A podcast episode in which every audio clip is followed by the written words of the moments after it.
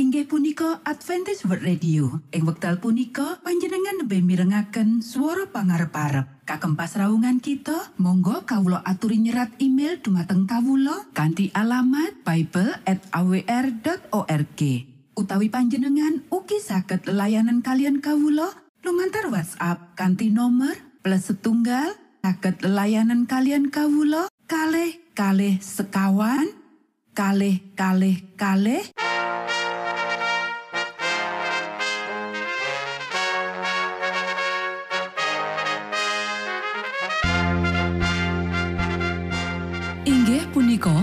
Adventist World Radio ingkang giaran kanti basa Jawi.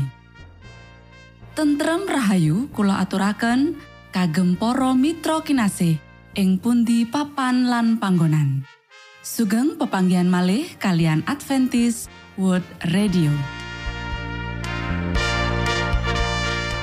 Kanti bingahing manah Kulo badi sesarengan kalian poro mitra kinasi. Lumantar saperangan adicara ingkang sampun rinonci. Mligi kagem panjenengan sami. Mugi giaran punika saged migunani tuen dados berkah kagem kita sedoyo. Sugeng midhangetaken Gusti amberkahi.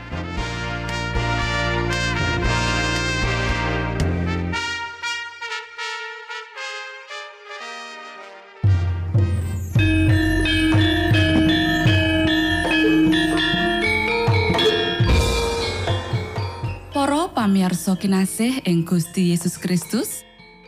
Ing wekdal punika, kita badhe sesarengan ing adicara ruang kesehatan. Ingkang saestu migunani kagem panjenengan saha kita sami. Tips utawi pitedah ingkang dipun aturaken ing program punika tetales dawuhipun Gusti ingkang dipunnyatakaken ing kitab suci. Semanten ugi sakehing seratan ingkang dipun wangsitaken dening Gusti Allah. Nanging saderengipun, monggo kita sami midhangetaken kidung pujian.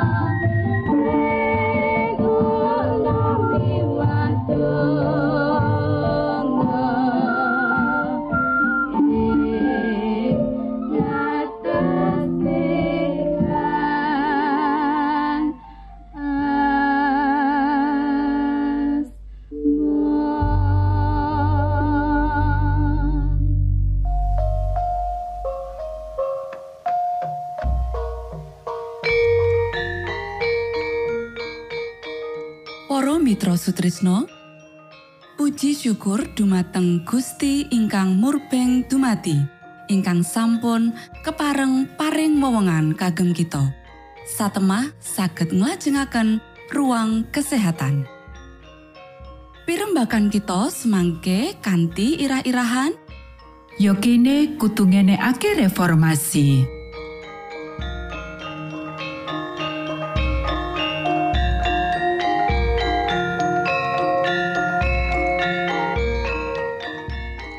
Dumateng para pamiarsa ingkang dahat kinurmatan.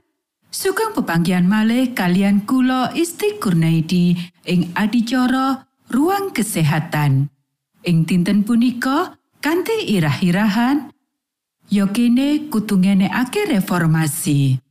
Para sederek ingkang kinasih, sakjroning panguripan iki mung siji kontrak diparingake marang kita, yaiku saben wong kutune pitakon. Kepiye aku bisa ngumpulake tenaga sing bisa ngasilake manfaat sing paling gede? Kepiye aku bisa nindakake sing paling apik demi kamulyaning Gusti Allah lan keuntungan pepodo manungsa?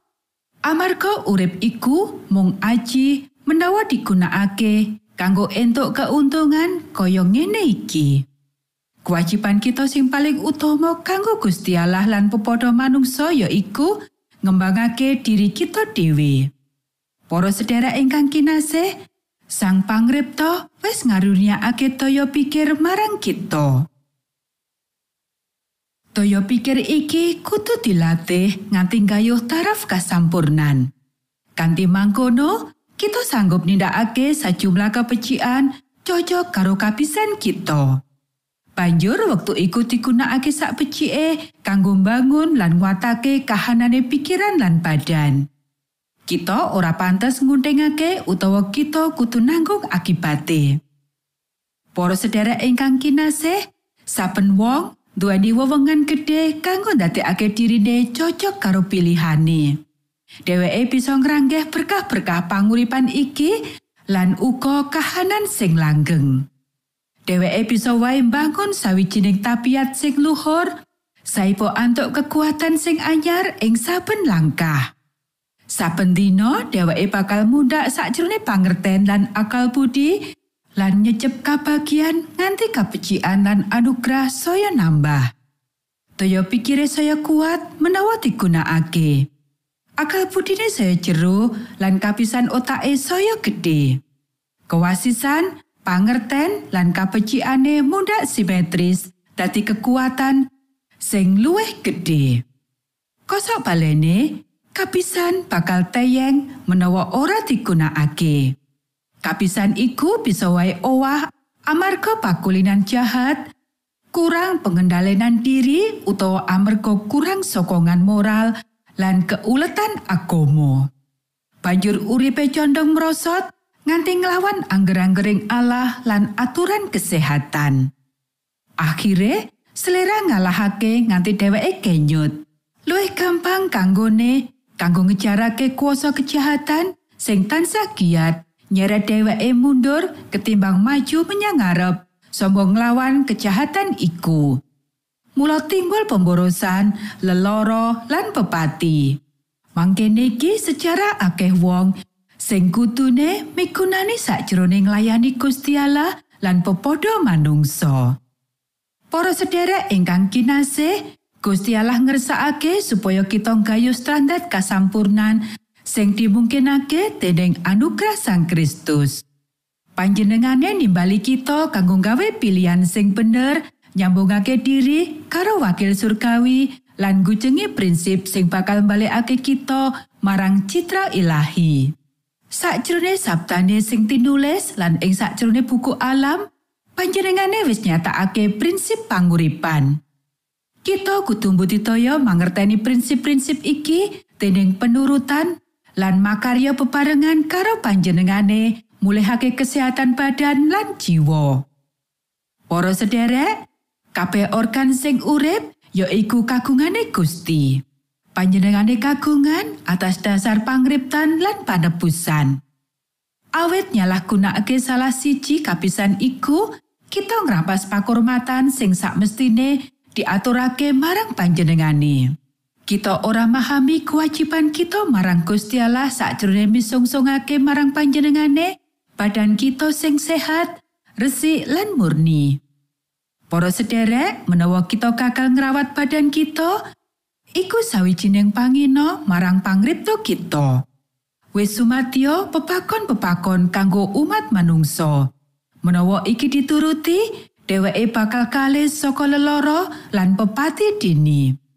Matur nuwun, Gusti amberkahi.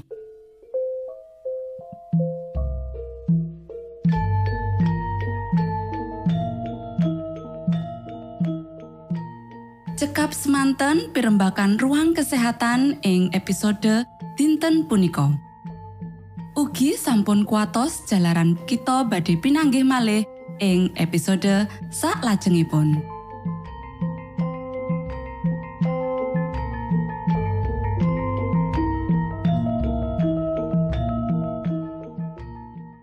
Inggih punika adicara ruang kesehatan.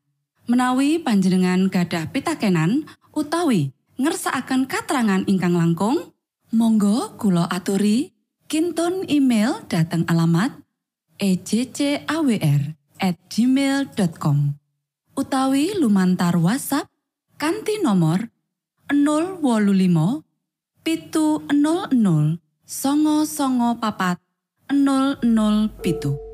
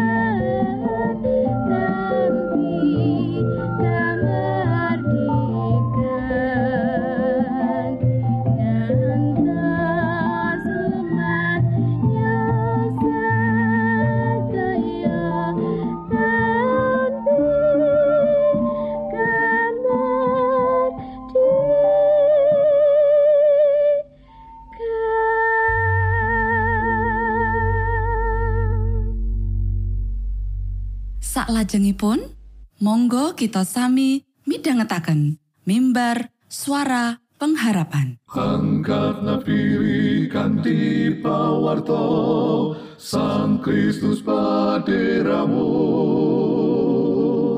Pro umat samyo puji asmanyo Sang Kristus paderamu Inggih punika mimbar suara pengharapan. Ing episode punika kanthi irah-irahan. Keweden. Sugeng midhangetaken.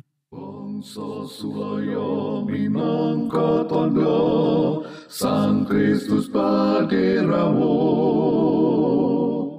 Ilmu kawero tambah tambah Sang Kristus paderamu Paderamu Sang Kristus paderamu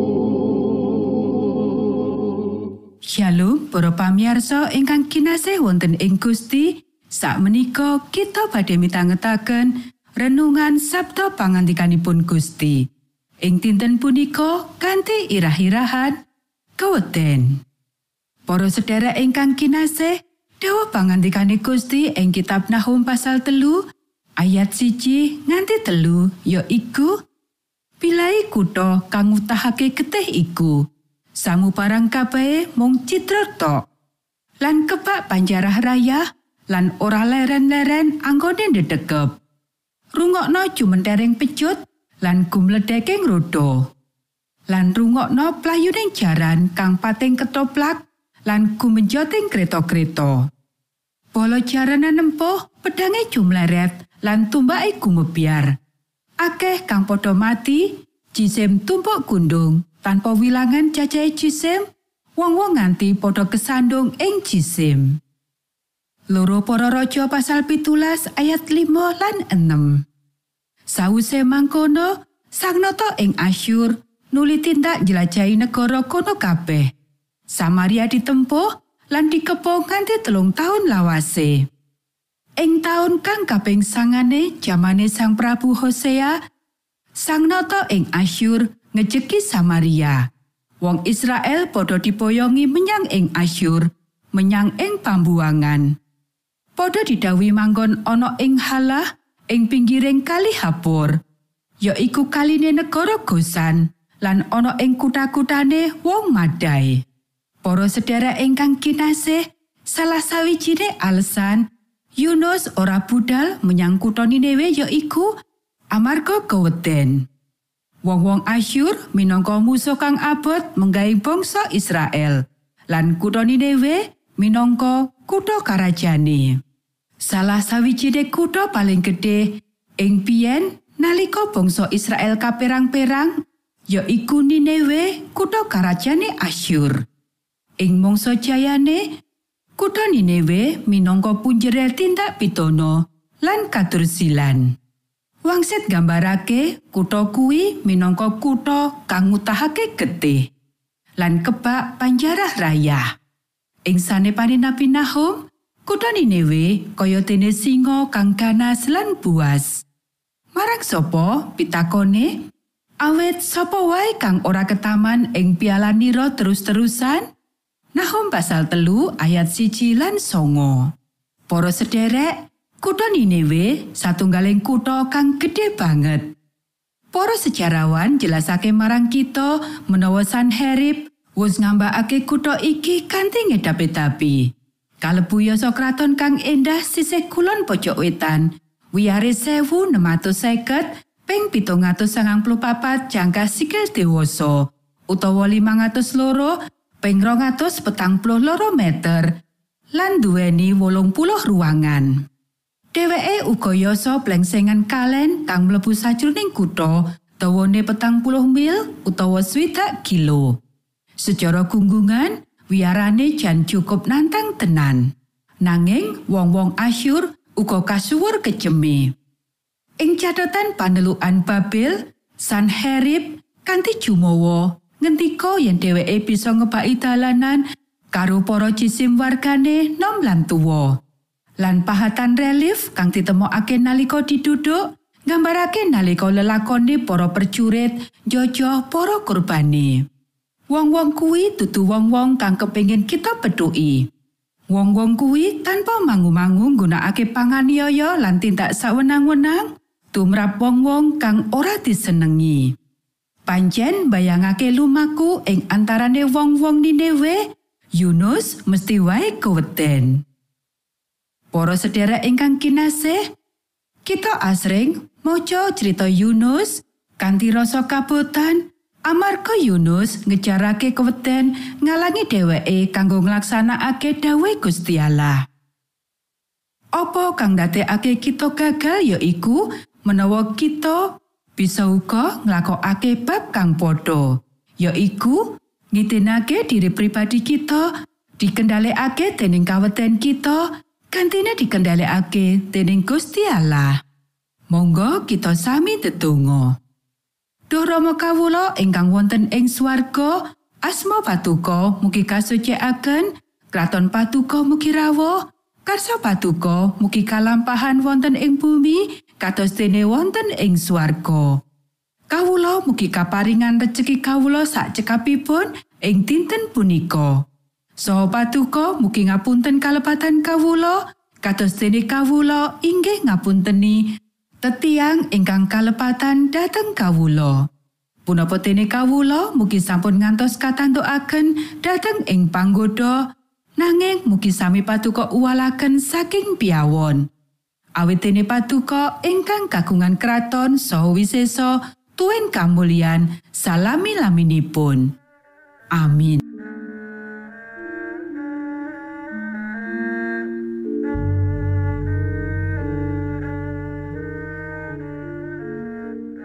Para Mitra Sutrisno pamiarsa kinasih ing Gusti Yesus Kristus sampun paripurno pasamuan kita ing dinten punika. Menawi panjenengan gadah pitakenan utawi ngersaakan seri pelajaran Alkitab suara nubuatan Monggo Kulo aturi kinton email dateng alamat ejcawr@ gmail.com utawi lumantar WhatsApp kanti nomor 025 pitu 00 songo songo papat 00 pitu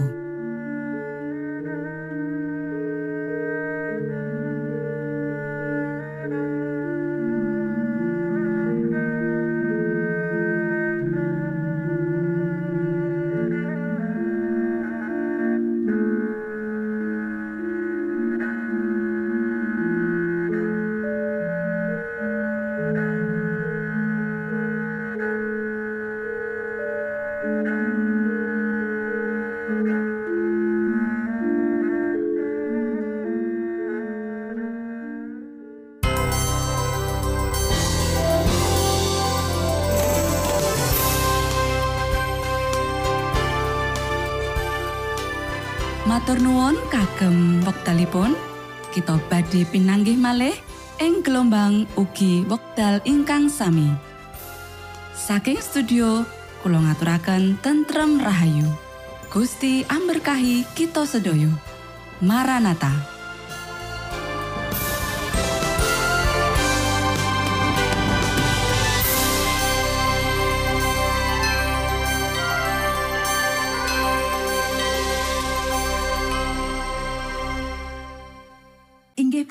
Adventist World Radio. Ing wekdal punika panjenengan lebih mirengaken swara pangarep-arep. Kagem pasraungan kita, monggo kawula aturi nyerat email dumateng kawula kanthi alamat bible@awr.org. Utawi panjenengan ugi saged layanan kalian kawula lumantar WhatsApp kanthi nomor plus setunggal saged layanan kalian kawula kalih kalih sekawan kalih kalih kalih